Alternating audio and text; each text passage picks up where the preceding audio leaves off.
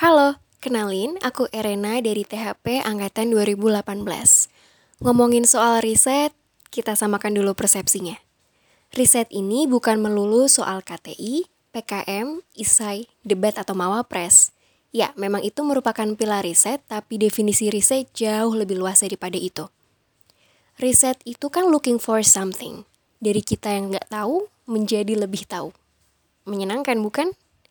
Riset adalah basic skills yang harus dimiliki oleh seluruh orang, khususnya kita sebagai mahasiswa. Kalau basic studi pustaka dan analisis datanya saja nggak bisa, bagaimana kita akan mengimprove skills dan menyelesaikan tugas yang ada? Bahkan, melalui riset kita akan terbiasa menyampaikan segala sesuatu menjadi lebih sistematis dan konsisten, serta membuat kita terbiasa untuk berpikir cepat dan outside the box. Nah, Kakap School ini akan dikupas tuntas mengenai riset yang pastinya akan membuat kita menjadi lebih unggul dibandingkan yang lain. So, jangan lupa gabung ya.